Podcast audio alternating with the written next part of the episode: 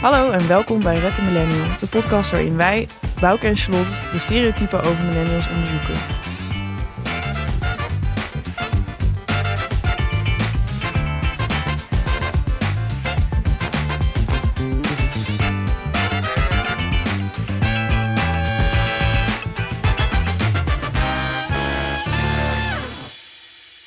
Vandaag gaan we het hebben over alleen zijn. Tijdens deze coronamaanden zijn we natuurlijk allemaal heel veel alleen geweest op onze kamertjes. Maar er is een grotere trend. Millennials zijn de alleenste generatie. Is het in om dingen alleen te doen? Of zijn we noodgedwongen alleen en voelen we ons eenzaam? Dat is de vraag die we vandaag gaan beantwoorden. Ja, en dat doen we niet alleen. Sowieso Charlotte, leuk dat je er weer bent. Thanks. We hebben je gemist. Ik ook, mezelf. Ik bedoel jullie. Was het eenzaam om zonder mij de podcast te doen? Ja, heel alleen. nou ja, niet ten nadele van uh, Roos Vervelde. Nee, ja. Over Roos gesproken. Oh ja, we hebben We weer een interviewen Roos. vandaag weer, eh, weer een Roos. Maar het is, het is wel een andere dit keer. We gaan vandaag praten met Roos Post. Welkom. Dank je. Eh, Roos, jij hebt een, een stuk geschreven op, op Red Pers over alleen op vakantie gaan. En jij bent sowieso in je leven best wel een ambassadeur van alleen zijn. Dus jij leek ons de perfecte expert om hierover te praten. Wat, wat doe je verder bij Red Pers? Ik ben sinds dit jaar ehm, chef eindredactie. Dus ik ben onderdeel van de hoofdredactie van Red Pers. En eh, in het dagelijks leven ben ik eh, redacteur eh, bij een eh, mediacollectief. Leuk, welkom. Dank je. Ehm, ja, waarom gaan we het hier eigenlijk over hebben? Eh, deze week stond er een stuk in de Volkskrant. eh, die, dat ging over dat de geestelijke gezondheid van eh, studenten heel erg aan het achteruitgaan is. Eh, dat mag geen verrassing zijn, want studenten moeten allemaal in deze corona times eh, in hun eentje eh, op Zoom colleges volgen. Ehm, ja, ik vind, ik vind dit dus zelf heel erg. Ik weet niet hoe het met jullie zit, maar ja, ik was hier vorig jaar al heel veel herrie om aan het schoppen. Ja, we hebben het er ook een keer over gehad hoe fucking vreselijk het is om op Zoom lessen te volgen. Ja, en, en nu is het al bijna een jaar. Precies. En het hakt er gewoon in. Maar Ja. goed. Maar dat heeft dus niet alleen te maken met eh, dat je op Zoom zit, maar ook gewoon met dat je, dat je dus alleen bent. Ja, veel studenten wonen ook alleen. En als je dan ook nog alleen maar op Zoom zit, dan, ja, dan, dan vereenzaam je gewoon. Ehm, ja, want eh, de hashtag maatje gezocht is dus ehm, ook weer helemaal in tegenwoordig. Die Mhm. werd eh, vorig jaar in augustus geïntroduceerd door een meisje, 25-jarig meisje. Die ging viral met haar tweet eh, waarin ze zette dat ze zich heel eenzaam voelde. En ze stelde de vraag, waar vind ik een sociaal leven? En eh, zij riep toen de hashtag maatje gezocht en de hashtag eenzame jongeren in het leven. Ah, en, eh, tegelijk. ja, en die Ja. worden nu tijdens corona weer heel veel gebruikt. Op Twitter vooral. Werkt Ja. dat nou? ja, dat vraag ik me ook af. Ja. Ik vraag me af, ik weet niet of ik als ik op mijn tijdlijn zo iemand zou tegenkomen met hashtag maatje gezocht, dan zou ik wel een soort sympathiek hartje geven. Maar ik denk niet of ik dan echt met hem zou gaan chillen. ja, ik zou even liken. Ja, en dan Goed bezig, lekker kwetsbaar. Maar niet zo van, Maar als jij alleen bent, ga je ook zoeken op die hashtag. En dan zie je mensen ja. in jouw omgeving. Zou weet, jij of het, een, of het een beetje werkt? Of Ja, het, het, schijnt een, eh, het, het schijnt een hele veelgebruikte tweet te zijn. Ja, Ik las wel succesverhalen online. Van mensen die elkaar echt door die hashtag hebben gevonden. Oh, dat is dan wel Dat, weer is- bemoedigend. dat is leuk. Ja. Maar goed, het is eh eh wijdverbreid maatschappelijk probleem, eh, eenzaamheid. Mhm. Ik, eh, of alleen zijn. Ik vind dat wel zo'n probleem. Ik, ik, ik, ik, eh, eh, ik kan niet zo goed alleen zijn. Ik heb laatst een, de hele eh docu-serie van Pauline Cornelissen gezien over Japan. Dat heet Tokidoki. Daarin had ze een aflevering over eenzaamheid en over alleen zijn. Omdat Japan dus een soort hypermodern is dan vergeleken met ons. Die liggen, die liggen altijd een beetje voor op ons. En hun samenleving, en vooral in de grote steden, is heel erg ingericht op alleen zijn. Dus alle plezieractiviteiten zijn heel erg alleen. De eh, woonsituaties zijn heel erg alleen. Er wordt weinig getrouwd, er wordt weinig in gemeenschappen geleefd. Eh, eh, eh, alles is eigenlijk ingericht op, op compleet alleen leven. En er waren dus ook eh, jongeren kwamen daar in beeld die hikikomori worden genoemd. En die komen nooit buiten. Die hebben dan hun werk online en hun entertainment online. En die laten hun boodschappen bezorgen en zo. Die komen gewoon niet buiten. En er kwam een socioloog aan het woord. En die maakte zich daar eh, vreselijke zorgen om. Want hij zei, nou, met de vergrijzing in Japan eh, eh, en de, de volksgezondheid vond hij dit allemaal erg zorgwekkend. Ja. Ehm, Mijn vraag is daardoor ook wel een beetje, na het zien van die aflevering dacht ik, dit is ons voorland natuurlijk. Japan, die hebben altijd helemaal, die liggen altijd net iets voor op ons op maatschappelijk gebied. En ik denk van ja, zeker met al die technologische, technologische uh, vernuftigheden die we nu hebben ingezet in de coronacrisis, gaan we nu af op een soort Japanse samenleving waarin iedereen altijd maar alleen is. Ja, dus is dat een soort van onheilspellend toekomstbeeld waar we op af? Ja, precies. Dat was wel de vraag die ik toen kreeg toen ik dit zag. Ja, en dat roept dus een beetje de vraag op of het vooroordeel waar we het dan vandaag over gaan hebben. Uh, millennials zijn super zelfstandig. Ze willen alles onafhankelijk doen. Tegelijkertijd lijken we misschien ook wel de meest eenzame generatie. In ieder geval, dat gaan we onderzoeken. We gaan het dus hebben over, over alleen zijn. Of dat nou wel of niet iets, uh, iets goeds is. Um, ja, Roos, jij bent hier eigenlijk ter verdediging van het alleen zijn. Mijn vraag is een beetje... Uh, alleen zijn, dat is natuurlijk alleen maar leuk als je er enthousiast over bent. En als je het niet fijn vindt, dan ben je eenzaam.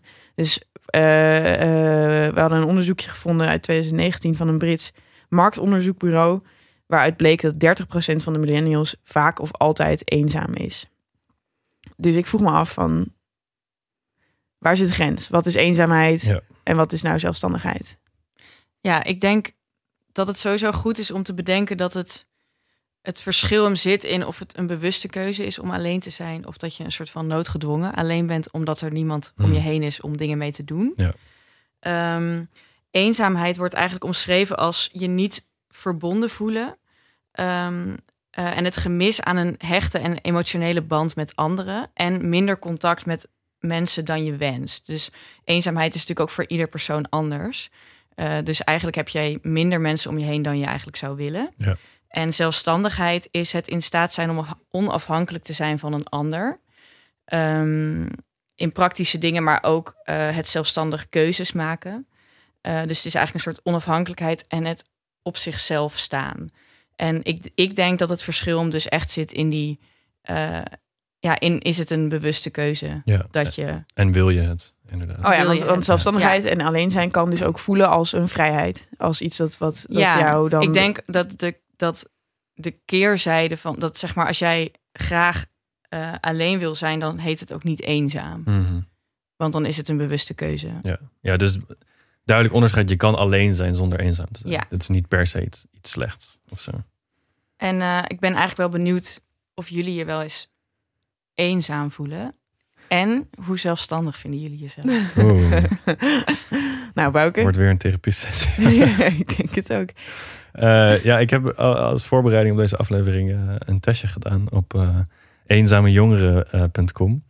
Ehm, waar ik alleen maar ter voorbereiding voor de aflevering was. Verder heb oh, daar surf jij meestal ook de hele dag op, toch? Ja, dat is wel, die staat wel in mijn bookmarks. Zeg maar.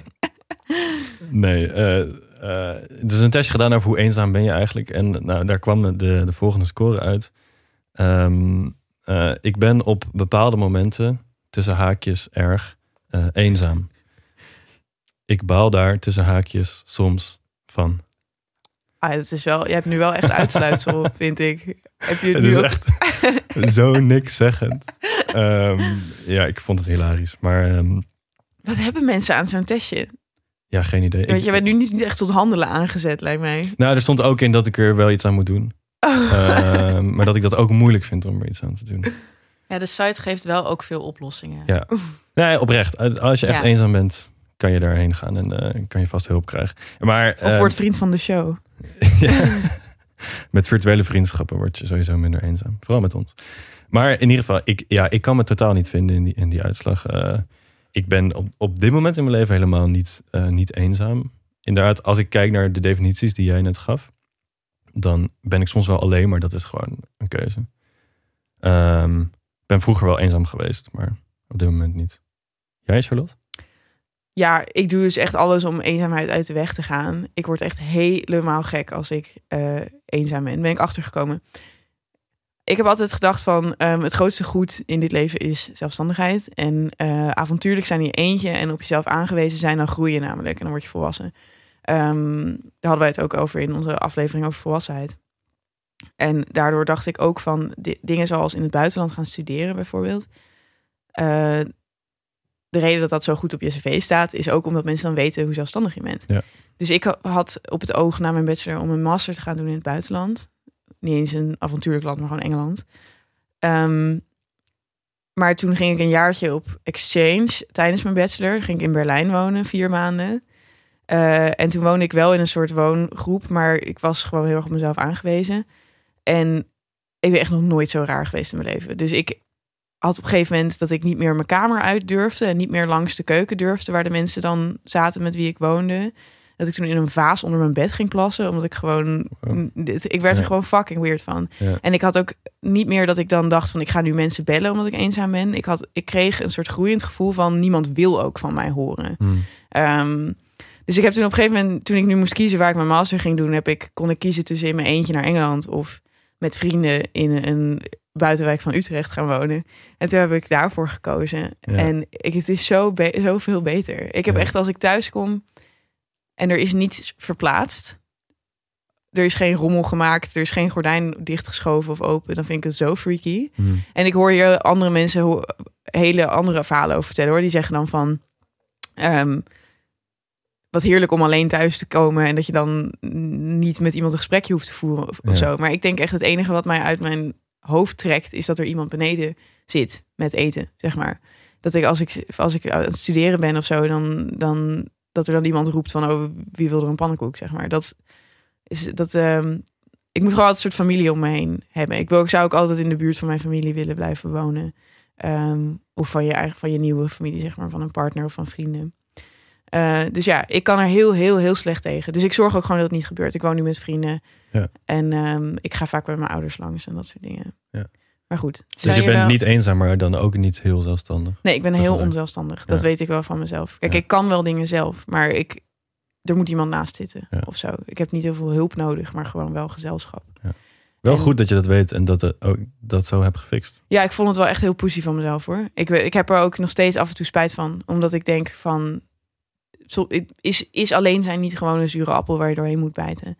Maar goed, als ik al die maatjes gezocht zie, dan en als ik al die dingen lees over de mentale gesteldheid van mensen die veel alleen zijn, dan denk ik, ik ben ook niet de enige die hier niet tegen kan. Ik vind, ik, ik vind het ook juist niet pussy om daar eerlijk in te zijn. Oké, okay, dankjewel Bouke. Ik weet dat jij altijd kwetsbaarheid in mij probeert ja.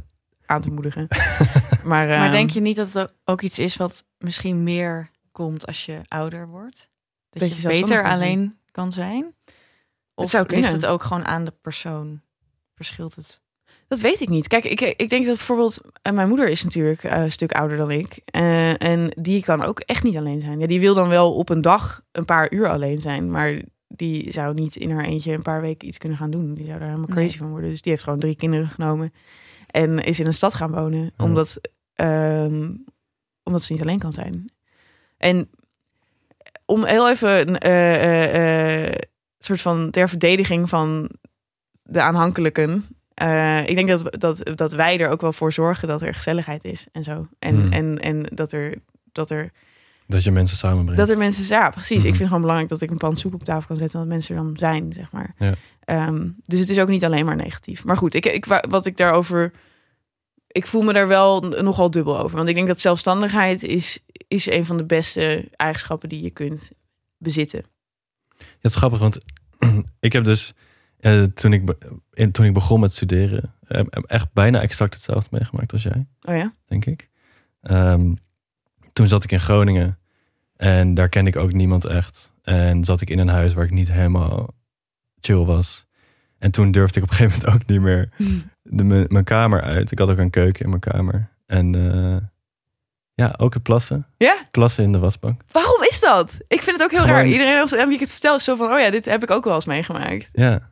Heel weird. Maar is dat eenzaamheid of gewoon verlegenheid? Nou, het, het is vooral, ja, voor mij was het zorgt vooral... voor eenzaamheid. Ja. misschien. Ja, maar en gewoon niet kwetsbaar willen zijn. Dus je heel slecht voelen en dan uit kost wat kost niet willen dat iemand anders dat ziet. Ja, en dus dan, dan maar kiezen om te vereenzamen. Ja, vereenzamen is dat inderdaad. Maar ik vind het dus wel heel anders dan zelfstandig zijn en alleen zijn. Want ik denk op dit punt in mijn leven, ik ben veel ouder, veel wijzer. Uh. Eh, ik hou er tegenwoordig best wel van om juist wel om alleen te zijn. Ja, ja. Dus, en Maar het hoeft ook niet eenzaam te zijn. Maar goed, Roos, eh, jij, jij, Ja. bent, jij bent pro. Dus jij bent zelfstandig. Ik, ik ben best zelfstandig, ja. Ja, ik, ik merk ook dat het snel, toch wel snel iets negatiefs wordt. Alleen zijn. Terwijl ik dus eigenlijk, zolang het een bewuste keuze is, vind ik het ook wel iets heel positiefs dat je gewoon echt jezelf weet te vermaken. Mhm. En ik merkte, vroeger was ik echt een kind dat ehm, niet graag dingen alleen deed. Dus dat zeiden mijn ouders ook altijd. Ik wilde altijd met mijn zusje spelen bijvoorbeeld en niet alleen. Ehm, alleen, het is iets van de laatste jaren merk ik dat ik eh, graag dingen alleen doe. Maar bij mij is het ook omdat ik best wel een groot sociaal leven heb. Mhm. Dus ik heb eigenlijk ook een soort van. ehm, ik heb ja, dagen waarop ik veel mensen zie. Ik woon ook in een huis met zes mensen. Eh, mijn familie woont dichtbij. Ik heb heel veel vrienden in dezelfde stad wonen. Dus voor mij is het echt een bewuste keuze om dan te denken: ik plan zaterdag niks en ik ga de hele dag in mijn eentje Ja. Oh ja. naar de stad, eh, ergens koffie drinken, wandelen. Ja. Ehm, maar wat brengt dat je dan? Wat, wa- wat vind je er zo chill aan? Nou, Nou, jij reist ook alleen, toch? Dus, dat, dus ik vraag me daar altijd van af van, wat doe je dan in godsnaam? Ik zou niet eens weten wat... Ja, Ja. het is ehm, denk ik even los zijn van die sociale druk. Dat gevoel van. Ja. ehm, ik heb namelijk wel, als ik met vrienden ben, hoe leuk ik dat ook vind. ehm, kijk, het verschilt natuurlijk hoe, goed, hoe goede vrienden dit zijn. Maar ehm, dat gevoel sociaal te moeten doen, Ja. dat heb ik dan niet. Dus Ja. ik kan dan eigenlijk gewoon helemaal in mijn hoofd zitten. Dus eigenlijk waar jij voor wegloopt Mhm. vind ik, ehm, ja, vind ik juist dus wel fijn. Ja. Dus ik kan dan, ehm, ik kan ook echt zeg maar een hele dag met mensen zijn geweest en dan ineens heel sterk het gevoel hebben van, ik wil nu echt vanavond helemaal niks, Ja. niemand zien. Ja. Dat klinkt heel extreem, maar gewoon even helemaal lekker alleen zijn. En dan ga ik, ja, als ik dan alleen ben, ja, ik ben dus inderdaad ehm, zeven weken naar Colombia geweest Mhm. in mijn eentje. En ik ben deze zomer voor het eerst alleen op stedentrip gegaan. Naar Valencia, daar ging mijn artikel ook over Mhm. voor Red Pers. Ja. En eh, ja, wat ik dan hoop te vinden is gewoon sowieso het gevoel. Ik kan heel erg. Ik ben sowieso iemand. Ik, als ik dan iets wil doen, dan wil ik het gaan doen. Dus ik hoef niet te overleggen met iemand. Ik kan gewoon. Jij weet ook gewoon wat je wil doen als je in je Ik weet ook wat ik wil doen. Ja, ja. Ehm, dus mijn eigen keuzes maken. Maar ik denk dat het me ook wel een, een heel fijn gevoel geeft. Dat ik een hele dag eh, in mijn eentje heb gespendeerd. En me dan ook echt vermaakt heb.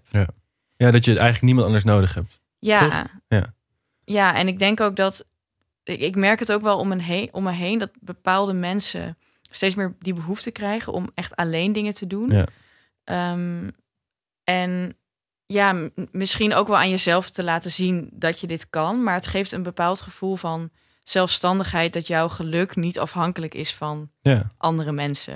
Nou ja, je d- het ja, even dit herken ik ook wel heel erg. Toen ik net ook zei van ik hou tegenwoordig best wel van alleen zijn. Dat is ook best wel inderdaad, ja, je hebt een bepaald onafhankelijkheidsgevoel dat daarmee komt. En ook, ik denk dat het best wel gezond is om af en toe niet sociaal aan te staan. Ik denk dat het voor Ja. millennials de sociale druk en de prestatiedruk gewoon best wel heftig is. En als je inderdaad even alleen bent, dan kan je je daar even voor afsluiten. Ja, die sociale prikkels, zeg maar, waar je dan even Ja. los Maar van goed, komt. ja, even alleen is natuurlijk wat anders dan altijd alleen. En Ja. ik, ik vraag me toch af, eh, waarom zijn millennials zoveel alleen? Er moeten natuurlijk wel oorzaken voor zijn. Kijk, er zijn, Mhm. je kunt er bewust voor kiezen aan- om alleen te zijn als je zoals jij heel veel vrienden hebt en, eh, eh, eh, en mensen in je omgeving die je zou kunnen zien. Maar er, zijn, ook- er is dus ook een structureel probleem waardoor millennials niet in aanraking komen met elkaar. Ehm, eh, waar ligt dat dan aan? Ik, ik, ik vind altijd dat we moeten belichten dat het niet onze schuld is. Dus eh, eh, we hebben gewoon met z'n allen een blik op het globale, meer dan het lokale. Daar hebben we het ook al vaker over gehad. Ja. Dus nu, nu de wereld het dorp is, heeft niemand meer een dorp. Mhm. Ehm, en dan verdwijnen er allerlei natuurlijke gemeenschappen. Mensen waarin je, die jou sowieso uit eenzaamheid zouden trekken. Zoals, eh, zoals je, je dorp of je wijk. Zoals een kerkgemeenschap. eh, zoals grote families die je vroeger dan had. Ja. Eh, ehm, Gewoon vastigheid. vastigheid. Ja, in die onderzoekjes zat dan ook een zin van... ehm, er is een heel groot verschil tussen boomers en millennials op het gebied van eenzaamheid.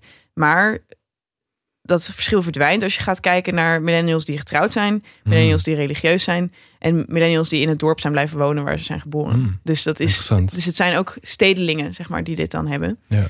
Ehm, dan, eh, en mensen hebben natuurlijk, daar hebben we het ook al eerder gehad, mensen hebben geen partners. Ja. Niet, niet op onze leeftijd. Ja. Geen vaste partners. Dat willen ze niet. Of ze hebben geen keuzestress. Hebben ze keuzestress waardoor dat dan niet lukt. Eh gaan we nog een keer een hele aflevering over doen. Dus er zijn ook al deze dingen liggen een beetje buiten je. Dus het is de bewuste keuze om alleen te zijn en daar dan kracht uit putten. Ja. Is denk ik, die, dat kun je dan niet meer op het moment dat je gewoon niet eens weet wat er ontbreekt uit je leven. Want voor als iemand nu tegen mij zou zeggen van ga bij een kerk of zo, dan, dan denk ik ook van ja, fok dat, dat ben ik helemaal niet. Ja, nou ja, het is wel interessant, want dat zijn allemaal dingen die eh, eh, het huwelijk en de kerk en niet meer wonen in het dorp waar je opgroeit, zijn allemaal dingen die je ook wel vrijer maken. Ja. En in die zin ook positief kunnen zijn dat je niet meer in die, al die oude beklemmende normen hoeft te zitten. Ja, ja, dus Maar beklemming. er is dus wel, wat je zegt, er is ook een keerzijde. Betekent ook dat je gewoon alleen maar op jezelf, of meer op jezelf bent aangewezen. Je hebt niet vanzelfsprekend al mensen om je heen. Nee, precies. Ja, je moet nee, er meer is- misschien jezelf zelf je best voor doen. Wat ook weer voor vrijheid zorgt. Ja, Ik Ja. moet zeggen, er zijn beklemmende situaties waarin je altijd mensen om je heen hebt waar je nog steeds vreselijk eenzaam in kunt zijn. Laten we met z'n allen terugdenken aan de middelbare school. Ja. Moment stilte daarvoor. Ehm, maar eh, eh, als volwassene denk ik dus ook, mijn theorie is dat een heleboel millennials helemaal niet weten dat ze eenzaam zijn. Ja, we hebben dan, dat Mhm. statistiekje was self-reported, dus dan is het 30% zegt ook echt van ik ben eenzaam. Ja. Maar ik vraag me af, als je zo'n druk bestaan hebt, en die hikikomori in de documentaire, die, zouden, die beschreven zichzelf dus ook niet als eenzaam. ja. Eh, ehm, dan besef je misschien niet wat er ontbreekt. Het is wel moeilijk om een claim te maken dat, dat mensen iets voelen wat ze niet doorhebben, toch? Ja, Dat en dan zou het ook dus niet erg zijn. Ja. Nee, want dan wordt het ook niet als iets negatiefs ervaren. Ik bedoel, stel we zeggen van eh, Roos, je, doet, je zegt dat je graag dingen alleen doet, maar wij weten dat je eigenlijk super Je eigenlijk eenzaam bent. bent. Nou, dit gebeurde dus wel toen ik de test ging doen op eenzamejongeren.com. Oh ik, ja, had die vertel. dus, ik had die dus heel positief ingevuld. Zo van, heb je familie om je heen? Ja. Heb je, heb je goede vrienden? Ja. En toen was de uitslag, A, je bent soms eenzaam. Mhm. Maar hé, hey, dat geeft niet. We zijn allemaal wel eens eenzaam. En toen wacht, werd maar- mij dus eenzaamheid aangepraat. Maar ben jij echt nooit eenzaam? Denk je dat? Nou, want ik zat net wel te denken van... Ik maakte nu het onderscheid tussen of je hebt mensen om je heen... of je bent bewust alleen. Maar ik heb Mhm. natuurlijk ook wel eens een zaterdagavond... waarop ik denk, ik had iets willen doen, maar niemand kan. Mhm. Die kennen we allemaal Ja, wel. ja. En dan zit je thuis en dan denk je, het is zaterdagavond. En dan, Dan, kan ga je ik in me een vaas wel... plassen. Wat zeg je? Maar oké, dan ben ik een keer kwetsbaar. Sorry, sorry. Ja, ga door, Roos. Ga door. Oh, in een vaas plassen. Ja. Maar dan is dus de vraag, bij- ja, dan... Ik ken het gevoel van eenzaamheid wel. Ja. Maar ik denk als je, zolang je weet van, oké, als er nu iets aan de hand is, kan ik mensen bellen. Mhm. Ik kan nu naar mijn familie fietsen, die wonen 10 minuten bij mij vandaan. Dus dat zal, dan voel ik me misschien alleen, maar niet eenzaam. Ja. En ook op, alleen op reis, dan, voel je je ook wel eens. Ja. Want wat denk ik, wat die testuitslag ook zegt, is van, is misschien wel goed om je soms eenzaam te voelen. Ja, Nou, dat ja, en- ook. Jij, wat, jij zei ook eerder van het is dus niet uitgesloten dat steeds meer alleen zijn een positieve ontwikkeling is. Want jij ziet ook mensen in je omgeving er steeds vaker voor kiezen. Ja, En waar, en, en waar denk je dat die keuze vandaan komt? Waarom willen, ze, waarom willen mensen alleen zijn? Waarom zetten ze dan bijvoorbeeld op Instagram van oh, ik heb een date met mezelf, zie ik wel eens. Dat mensen dan uit eten gaan in hun eentje. ja, het is denk ik heel erg die ontwikkeling van die zelfliefde. Mhm. En ook een stukje zelfredzaamheid. En ik denk eigenlijk dat, ehm, dat misschien millennials wel heel graag heel onafhankelijk en heel autonoom willen zijn. Mhm. Maar dat daar misschien ook het probleem van de eenzaamheid vandaan komt. Dus dat mensen die eenzaam zijn niet aan de bel durven te trekken. Omdat ze het gevoel Ah, hebben ja. dat ze zelfredzaam moeten zijn. Ja. Dus misschien is, zit daar dan ook weer de keerzijde. Ja. Maar zelfliefde is wel echt je van het op dit moment. Ja. Echt hot stuff. Mm. We hebben het over body positivity gehad. Mhm. En even voor alle dames in de zaal. Ik krijg dus elke keer, ongeveer elke dag op mijn Instagram, krijg ik dezelfde getargete reclame voor de Satisfyer Pro. En dat is een sucking vibrator. Eh, ik heb opgezocht wat het is. Dat, eh, nou ja, het zuigt in plaats van dat het zeg maar vibreert. Ehm, en het is ook op bol.com het, de eerste, eh, eh, eh, eh, het eerste ding dat ze je aanraden onder de categorie cadeaus voor vrouwen. En ik dacht van waar, wat, waar plaats ik dit nou eh, in mijn maatschappelijke analyse, die ik toch altijd in mijn hoofd aan het maken ben. Zo dat dat eerste is waar jij aan denkt. Ja, nou ja, goed. ik- reclame krijgt voor een ja, ik denk van wat betekent dit nou? En Ja. ik heb ook heel veel vrouwen in mijn omgeving die dat ding hebben aangeschaft. En ik zie dus ook, het is een soort, het is een soort alleen zijn positivity. Ik zie Mhm. echt mensen dan posten op hun Insta van, oh, perfecte vrijdagavond of zaterdagavond dus, niet naar een feestje. Eh, maar een fles wijn en mijn Netflix en mijn Satisfyer Pro. En ik heb geen man nodig en ik heb Ja. geen vrienden nodig eigenlijk. Of, of, of, het, of ik kan dus in mijn eentje het heel erg leuk hebben. Mhm. Eh, op welke manier dan ook. Dus eh, ik vind dat wel positief, denk ik. Dat is ook een positieve manier om te kijken naar je alleen zijn. Is dan van, nu krijg ik dus de kans om dingen te doen die je niet in gezelschap kunt doen. Ja, en het is ook, je, be- je bent, dat klinkt heel tragisch, maar je bent uiteindelijk allemaal, je bent een individu. Dus het is ook het idee, je bent wel samen, maar het zou toch ook zonde zijn als, er, als, als jij weinig mensen om je heen hebt, of je hebt wel mensen om je heen die allemaal geen tijd hebben, Ja. dat je dan bij de pakken neer gaat zitten. Ja. Ja, ja. Dat idee van, ja, ik, dat, zo ontstond eigenlijk ook mijn laatste trip naar Berlijn. Toen dacht ik, ik wil spontaan vier nachten naar Berlijn. Ik wil met de trein. Ehm, ik zou niet weten wie er nu vrij kan nemen, dus ik ga gewoon alleen. Ja. Want dan kan ik ook wel niet gaan, maar dat vind ik dan zonde. Ja. Oh, Want ja. dan ben ik dus afhankelijk van gezelschap. Ja, maar ja, goed, dan dus, dan zijn... Mijn aanvankelijke oplossing was een beetje van, we moeten terug de kerk in of zo. Maar je zou er ook kunnen zeggen van, nee, we moeten niet terug de kerk in. We moeten alleen zijn, omarmen. Ja. En een Satisfyer Pro kopen en in je eentje in de trein gaan zitten. Niet dit tegelijk doen trouwens, maar in je eentje in, de- in je eentje in de trein gaan zitten. Wat ik nog wel een beetje, eh, soms een beetje lastig vind met dat alleen zijn. En dat vind ik dan juist nice aan de Satisfyer Pro. Ja, jij hebt hem uitgeprobeerd. Ja. Ehm, en dat doe je dan echt alleen. Dus op je kamer, deur op slot. En niemand die het ziet. Maar wat, je, wat ik, waar ik het gevoel krijg bij dat alleen zijn... en dat heb ik heel- erg bij het alleen reizen... maar ook de laatste tijd bij het bijvoorbeeld alleen uit eten gaan... of alleen in een café een boek gaan lezen. Dat is ook een soort van bewijzen aan de rest van de wereld... kijk hoe alleen ik kan zijn. Oh En ja, als je dat dan op social is. media zet. Ja, zeg maar, ik heb toch het gevoel van echt alleen zijn, dat doe je niet in een, pu- in, niet in een publieke ruimte. Toch? Dat doe je dan in je privésfeer, Oh ja. in je huis. Maar waarom? Waarom kan dat niet Omdat, ruimte? omdat op het moment dat je in een restaurant zit en je zit er alleen te eten, dan ben je niet alleen. Want er zijn allemaal mensen om je heen die jou zien.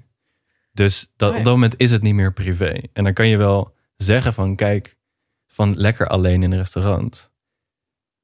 Maar je bent, ja, ja, dat, het klopt gewoon niet echt. Je bent niet zo het alleen. is geen en, me-time volgens jou. nee, dat is geen me-time. Ja, het is interessant. En ik denk ook, dat... dat... geldt ook voor social media, zeg maar, op Instagram zetten van ik ben lekker alleen aan het reizen. Ja, dat, dan is het ook niet meer alleen, want op dat moment deel je de ervaring met al je volgers, die jou dan lekker kunnen liken over hoe alleen je wel niet bent. Ja, hier trek ik een beetje een grens. Want ik denk dat ik ben laatst in mijn eentje uit eten geweest. Eh, gewoon, dus het liep zo. Ehm, en dat is zo'n raar gevoel. En je weet niet wat je moet met jezelf. En Hmm. ik had dan een boek bij me, maar ik vond het zo raar om een boek te gaan lezen in mijn eentje. Ik vond het ook raar om op mijn telefoon te gaan zitten. Ik heb er gewoon helemaal voor me uitgekeken en dat dan toen gedaan. Mhm. Wat er dan allemaal in je gebeurt, is echt zo raar. Tenminste, ik ben, als je gewend bent om te praten onder het eten, ik vond het echt heel erg raar. Ehm, en dat vind ik dan weer wat anders dan echt een foto maken van je cappuccino en dan zeggen van koffiedate met mezelf. Ja. Want dat voelt, ik denk dat je daar, dat is een beetje waar je op doelt, is dat mensen dan zeggen van I love alleen zijn. Als je zegt date met mezelf. Ja. Dat je ermee te koop loopt. Maar dat je er dus mee te koop Ja. loopt. En dat het dus ook voelt alsof je jezelf aan het overschreeuwen bent. Van, Ja. Je hebt een soort bewijsdrang van... eh, eh, kijk, het zo erg is het helemaal niet dat ik niemand zie. Als je zo. het echt zo leuk vindt om alleen te zijn, dan hoef je het niet aan iedereen te lopen te vertellen. Nee, Ja. dat, dat stukje ben ik het mee eens. Maar als dat alleen zijn nou toevallig in een publieke ruimte is, Mhm. Dan moet dat ook wel kunnen. Zonder Mhm. dat het dan is van ja, maar dit telt niet, want nu ben je niet echt alleen. Ja. Ja. Nee, sommige, kijk, Mm. het, alles wat je op social media ziet, tenminste, dat schiet mij regelmatig in het verkeerde keelgat, omdat ik dan altijd dat sausje overheen voel van, oh, dit doen mensen alleen maar om, om te posturen. Mhm. En dat, en wij hebben het gehad over het gebrek aan zelfstandigheid onder Ja. millennials Ja. in onze aflevering over volwassenheid. Dat, nee, ze hebben weinig geld en als ze eh, eh, dat ze zelf verdienen, zeg maar, zijn afhankelijk van hun ouders. Dus het voelt dan al- als je dan alleen op reis gaat en niet van je eigen geld, dan voelt dat natuurlijk ook van hoe zelfstandig is dit dan, zeg maar. Ja, ja. Dus die vraag stel ik me ook wel heel vaak. Maar ik denk misschien eerder wel een bewijsdrang niet naar de buitenwereld per se. Niet altijd, maar wel misschien naar jezelf. Mhm. dat ik wel merkte van ik ga alleen op vakantie, op stedentrip, omdat ik heel graag aan mezelf wil laten zien dat ik dit kan. Ja, ja, ja. Maar meer omdat ik dacht, als ik dit kan, dan is dat een heel, dan is dat iets heel positiefs. Ja. Ja. En als het niet, als het niks is, dan ben ik ook over vier dagen weer thuis. Ja. Maar als het het wel is, dan geeft me dat eigenlijk heel veel vrijheid. Ja. Want dat betekent dat ik alles kan doen wat ik wil. Ja. Want ik heb het ook gezellig in mijn eentje. Ja, nee, oké, dat snap ik wel echt. En dat is inderdaad, dat is wel heel anders dan hoe ik het net een beetje framede van, je doet het alleen maar zodat de rest Ja. van de wereld jou een complimentje kan Maar het geven. is ook in. Dus Ja. dat snap ik ook. Ja. Zeg maar. Ja. Maar de rol van social media is natuurlijk ingewikkelder dan dit. Want ik denk dat Mm. als je als je een, aan een ouder iemand zou vragen van... denk je dat millennials eenzamer zijn? Dan zouden ze natuurlijk zeggen... nee, we zijn de meest verbonden generatie ooit. Ja. Toch? Je, zou met, je kunt met een druk op de knoppen de hele wereld appen. Ja. Ehm, hoe werkt dat dan? Ja, hier kan ik wel even iets in fietsen. Want dit is natuurlijk weer mijn, echt mijn, eh, mijn studieonderwerp. Ehm, er is een heel goed boek van een, van een sociologe van Harvard, Sherry Turkle. Dat heet eh, Alone Together. Eh, wat natuurlijk een hele paradoxale titel is. En eigenlijk waar we het ook nu over hebben. Waar zij op doelt is... eh, inderdaad, we zijn de meest verbonden generatie ooit. We hebben altijd een apparaat in onze zak... die ons instant eh, contact kan geven met anderen. Maar tegelijkertijd zijn we de meest eenzame generatie. En daar zit een soort van paradox in. Haar argument is eigenlijk dat sociaal contact via je telefoon is veel makkelijker dan echt met iemand praten. Omdat je helemaal niet meer uit je comfortzone hoeft als je op je telefoon met iemand in contact gaat. Ehm, en dat we daardoor eigenlijk ons hele sociale leven kunnen transporteren naar onze telefoon. Maar dat het dus niet, eh, en dat dat makkelijker is, maar dat het tegelijkertijd niet echt contact is. Oh, dus bevredigt niet die behoefte die je als mens hebt... om Nee. iemand recht in de ogen aan te Ja. kijken. En dan krijg je dus de paradox van heel veel contact hebben, maar nog steeds eenzaam zijn, want het is niet, ja, quote, eh, eh, echt eh, contact. En haar argument is verder, en dat sluit best wel aan, denk ik, bij wat jij ook zegt, Roos. Van, ze zegt, we zijn eigenlijk vergeten hoe we alleen moeten zijn. En dat dat best wel iets positiefs kan zijn. Want wij zien dat meteen als iets slechts, want we willen altijd in contact staan met anderen. En als je niet weet hoe je alleen moet zijn, dan word je eenzaam. Terwijl als je wel weet hoe je alleen moet zijn, dan word je misschien eerder zelfstandig of ga je van jezelf houden, zeg maar. Oh ja. Eh, dus daar zit, een, ja, daar zit een soort slag die we dan nog moeten slaan. Van, terwijl haar analyse is, onze generatie is vergeten hoe je alleen moet zijn.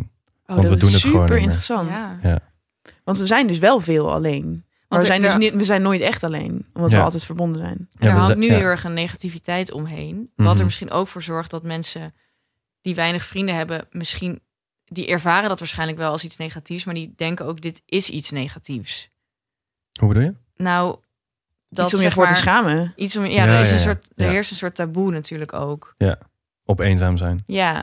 Ja. Hoewel ik ook wel geloof dat er echt mensen zijn die dat ook echt voelen. Omdat ze gewoon het gevoel hebben dat ze niet, dat ze niet genoeg mensen om zich heen Ja. hebben. Nee, maar klopt. Het zou- best kunnen dat we heel snel alleen zijn zelf al interpreteren als slecht en eenzaam. Ja. Omdat we opgroeien met het idee, je moet altijd in contact staan met anderen. Ja, ik, Ja. toen ik bijvoorbeeld tegen een meisje dat ik tegenkwam op straat zei: Ik ga morgen, in mijn, eh, ik ga morgen naar Berlijn. Oh, met wie ga je? Alleen. Toen zei ze: Oh, wilde, wilde er niemand met je mee? Ja. En Ja. toen dacht ik: Dit is wel ook gewoon ons idee, zeg maar, dat je alles samen doen. Ja. Van mensen zijn sociale dieren. ja. Ja, maar dit Ja. is zo- oké, Ja. maar dit is wel Ja. interessant. Want je hebt dus twee routes. En wat Sherry Turkle en wat jij zegt eigenlijk, Roos, is van nou, we moeten leren alleen zijn. We moeten dat omarmen. Ik vind eigenlijk dat we zouden toch ook als maatschappij een beetje eh, moeten ingrijpen in deze eh, eh, versplintering. Ja. Want nu wat ik om me heen zie met de grote de, de Zoom boom, weet wel, alles gaat nu online en vergaderingen en zelfs sociale afspraken zijn dan nu via internet.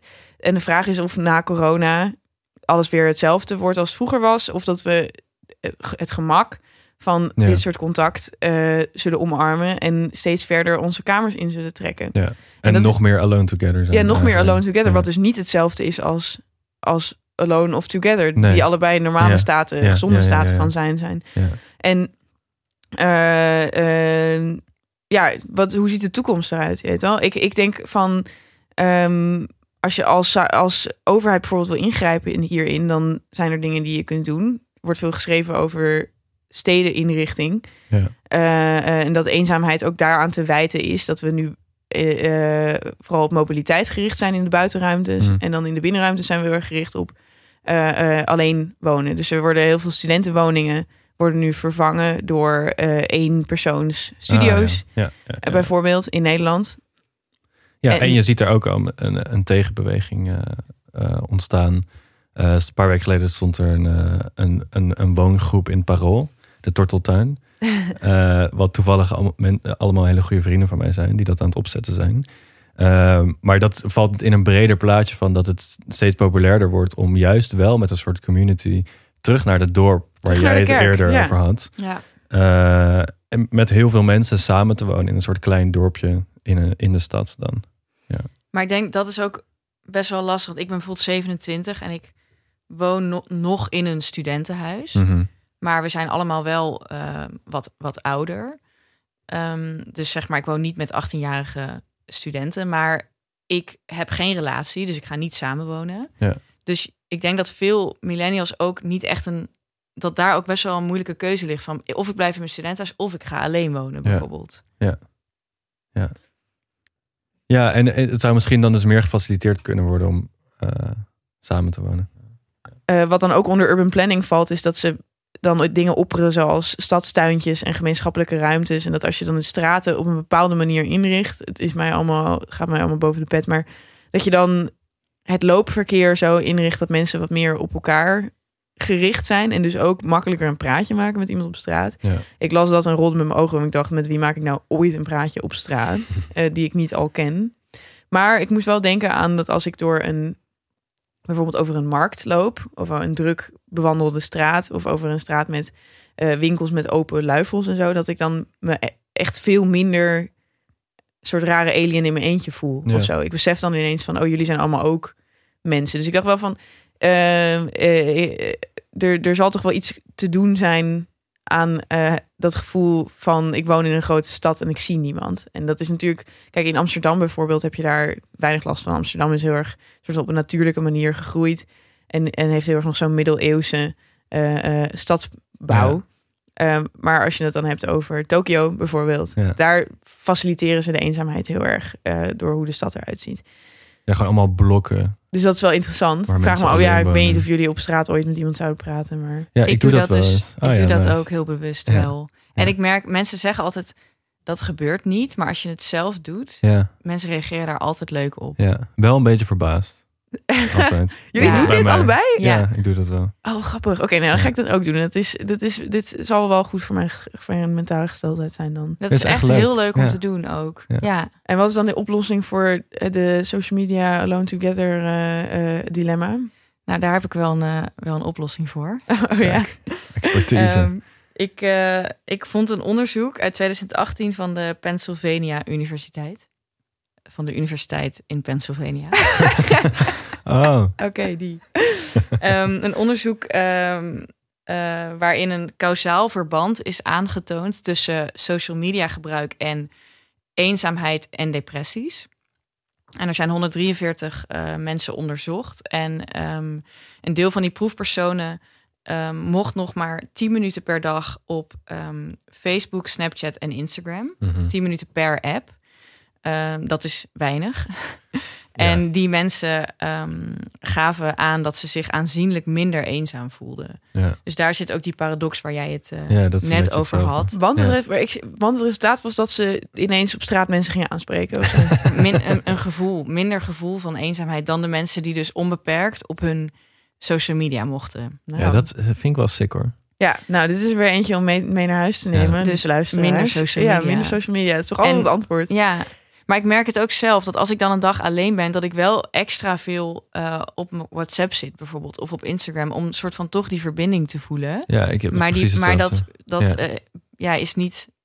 eh, Het is een doekje voor het bloeden. Ja, ja, de- ja. Het is niet genoeg eigenlijk. Nee, het is eigenlijk heel erg. En daarom vind ik die theorie van Sorry Turkel zo nice. Eh, het, je, als je je alleen voelt en je gaat op, op Facebook of Twitter, dan heb je nooit daarna zo van. Ah, dat was echt lekker. Even chill met iedereen, toch? Nee. Een soort van. En maar je, toch, je, gaat, je doet dat toch wel. Ja, Je zoekt het heel erg op, maar het is. Ja. Misschien dat dat juist ook wel extra eenzaamheid veroorzaakt dan als je Ja, helemaal er gewoon veel minder op zou zitten op zo'n app.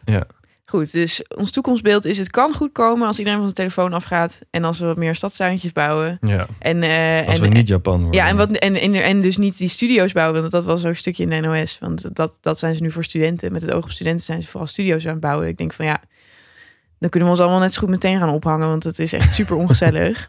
Ehm, En on that note. On that note, we zijn een hele allene generatie, maar we hoeven niet eenzaam te zijn, want alleen zijn is een kunst. En je kunt het echt zo leuk maken als je zelf wil. Koop Satisfyer Pro.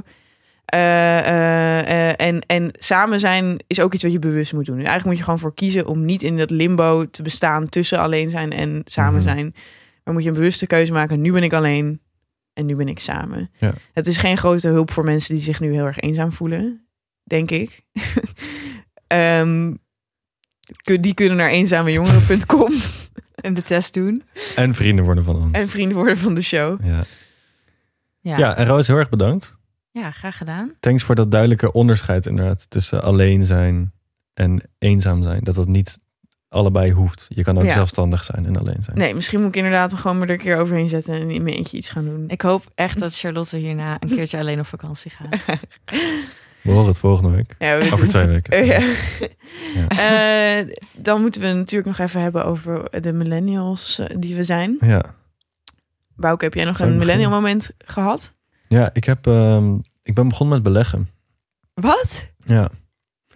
En ik vind, ik, dat vind ik heel millennial, want volgens mij is iedereen dat tegenwoordig opeens Met zo'n appje. Eh, nee, gewoon echt bij een broker. Wat? Ja.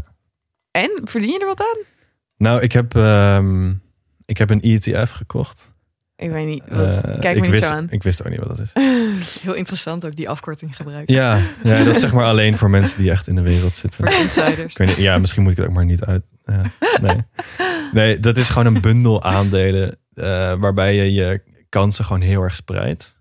Oh ja. En eh, ik ga dat nu voor een jaar, ga ik daar elke maand geld in leggen, zodat ik ook mijn kansen spreid over de tijd. Ik weet niet of dit eigenlijk interessant is om te vertellen. Oh, maar goed. Het klinkt fiscaal eh, heel verantwoordelijk. het is, ik, Heel volwassen ook. Ja. door de geschiedenis heen is dit ding wat ik heb gekocht alleen nog maar meer geld waard geworden. Dus toen dacht ik zoiets van, ja. Oké. Ja. Nou, word maar niet vriend van de show. Want Bouke die gaat gewoon heel veel geld aan. Nou, ik heb Bouke echt een hele hoge studieschuld. Dus, Die ga je hiermee aflossen. ja, dat maar goed, ik. zodra je afgestudeerd filosoof bent, ga je natuurlijk bakken met geld verdienen. Ja, oftewel, word alsjeblieft wel vriend van de show. Jongens. Oké, jij hebt dus ontzettend volwassen move gemaakt tijdens Ja. de afgelopen tijd. Ik kan niet hetzelfde zeggen. Ik heb een rijbewijs, maar het is niet een echt rijbewijs. Ik heb een rijbewijs waardoor ik alleen maar in een automaat mag rijden. Dat komt omdat ik elke keer dat ik mocht, moest gaan schakelen, kreeg ik een paniekaanval. Dus eh, toen eh, zei mijn rijinstructeur van rij maar af in een automaat. Toen ben ik ook daarvoor gezakt. Maar de tweede keer dat ik het deed, toen heb ik tijdens mijn hele examen gehuild. En toen kreeg ik, mocht ik wel mijn diploma hebben. Dus ik, eh, eh, ik heb nu een rijbewijs. Maar goed, ik wil heel graag wel leren schakelen, want dan kun je een auto huren en weet ik veel wat. ja. Dus mijn oom eh, van 27, dat is halfbroertje van mijn moeder, die geeft mij nu rijles in zijn oude bak. En dat is echt Oh. zo'n super oud autootje. Het heeft geen airbags. Het is echt nog een soort, het is gewoon een soort geraamte op wieltjes. Dat je echt voelt dat je bijna buiten zit, zeg maar. en het heeft ook geen stuurbekrachtiging, dus ik moet echt, ik heb zieke spierpijn dan van het rijden daarin. Ja. Maar goed, ik had dus rijles van de week. En toen liet ik midden op het allerdrukste kruispunt van Utrecht... liet ik twee keer achter elkaar de motor uitvallen. en ben ik gewoon echt helemaal van de weg afgetoeterd. En kreeg ik, moest ik weer huilen waar, eh, waar mijn Oh. oom bij was. Oh, dus dat shit. was, eh, dat was mijn millennial moment. Maar goed, ik vind dat ik mezelf sowieso wel een schouderklopje mag geven... omdat ik een rijbewijs heb. Ik weet dat jij er al, ook al honderd jaar eentje hebt, Bouke. Maar heel veel van mijn vrienden die rijden überhaupt niet. Ja. Of die hebben wel een Nee, rijbewijs, maar rijden nooit. Nou, precies, inderdaad. Nou, dat was ook mijn euvel hoor. Want ik heb toen een jaar na mijn examen niet gereden. En toen mocht ik daarna in de, in de Tesla van papi mocht ik toen rijden. Toen heb ik meteen een gat ingereden. Dus Oh nee. ja, dat is echt nog veel. Dat is eigenlijk misschien is dat wel een, te gênant om hardop in de podcast te zeggen. Maar het is, het is wat het is. Te laat. Ik Roos. heb trouwens wel iets grappigs. Ik ehm, heb wel een rijbewijs al heel lang. Maar ik durf dus niet alleen te rijden. Dus ik doe alles alleen. Oh, echt? Maar ik durf dus niet alleen met een auto te rijden. Ja, dat is echt heel erg. Ik rijd dus alleen met... Ik wil alleen maar rijden als iemand naast me zit. Maar die kan toch niet ingrijpen? Of Nee, niet? dat vind ik ook eh, bijna Klopt. grimmig. Ja. Ja, Als er je dan zijn toch doodgaat, die dan juist wil je wel iemand alleen... meenemen in je graf, Ja. zeg maar. Ja. ja, dan heb ik het gevoel dat er, dat er iemand meekijkt, zeg maar. Ik snap Dus wat je bedoelt. Dan ineens wil ik dus wel dat er iemand bij mij is. Grappig. Nou, misschien moet jij ook even te raden gaan bij jezelf. Ja, Maar heb jij nog een beetje gemillennial deze week? ik heb zeker gemillennialed. Dat is Ja. een moeilijk woord. Mhm. Eh, en jij was er onderdeel van. Oh ja. Want ik heb namelijk een enorme pannenkoekplant thuis. en eh, die krijgt heel veel stekkies. En die noem ik ook mijn baby's. Laatst zei ik zelfs, hij maakt echt een groeispeur. Toen dacht ik, oh jee. Ja. Noem jij jezelf ook een plant mom? Nee, oké, dat was Ik wel... heb ook geen Instagram waarop planten staan. Zo erg is het nog niet. Maar dit is wel... Ik heb jouw stekkies gezien op Instagram. Daarom... eh, ik heb, eh, ik heb in mijn verhaal een oproepje gezet en gezegd... wie kan ik blij maken met een stekkie? En dat vond ik ook echt heel gezellig van mezelf. Want er kwamen allemaal mensen langs om een stekkie te halen. Waaronder jij, Charlotte. mhm. En ehm, jij woont best wel ver weg eigenlijk. Ja, ik voor ben 20 Utrechtse minuten, ja, ik dan. 20 minuten komen fietsen naar Roosterhuis. Voor een stekkie. Voor een stekkie. Toen was ze niet eens thuis. Ik was niet thuis. Nou ja, het ging wel mis. Maar ik dacht wel van, toen we dit moment deelden, ook zelfs op afstand, dacht ik van, oh, dit is toch wel echt het analoogste dat ik in tijden heb gedaan. Want zo'n stekkie, ik kan ook gewoon naar de fucking, hoe heet het, tuincentrum om de hoek. Ja. Ik woon in Hooggraven, dus er zijn alleen maar dat soort dingen. Ehm, en dan had ik ook eens een pannenkoekenplant kunnen aanschaffen. Maar dit was dan wel een soort moment van verbinding. Ja, dit heeft iets heel gezelligs. Ik dacht Ja. ook gisteren van Lekker in heel samen. Utrecht staan nu dus allemaal stekkies van mijn pannenkoekplant. Ja. Ik vind het ook heel millennial, omdat het echt... Een plant is de kleinst mogelijke verantwoordelijkheid voor iets levends dat je kan dragen. Ja, ja, ja. ja, En dat je alsnog een heel leuk, interessant, druk leven daarnaast kan hebben. Ja, de- inderdaad. Dus je noemt jezelf dan een plantmom en dan heb je pla- plantbaby's. En dan, ben je, dan kun je dus volwassenheid nabootsen zonder dat je echt Ja. voor iets levens hoeft te doen. Zouden planten ook zorgen voor minder eenzaamheid? Dat is een interessante. dat is een leuke vraag. We gaan een aflevering over planten doen. Ja. Ja. Nou, bedankt voor het luisteren, jongens. Eh, het was gezellig en niet eenzaam. Hopelijk ook voor jullie. Eh, we willen ook eh, Dag en Nacht Media bedanken. En onze producers, ze zijn moeilijker. Bedankt Roos Vervelde voor het maken van ons logo. Bedankt Roos Post, die hier te gast was vandaag. En bedankt redpers.nl. Dat is het journalistieke platform waar wij alle drie voor werken. En jullie kunnen nog steeds vriend van de show worden op vriendvandeshow.nl slash Red de Millennial. Tot over twee weken. Dag!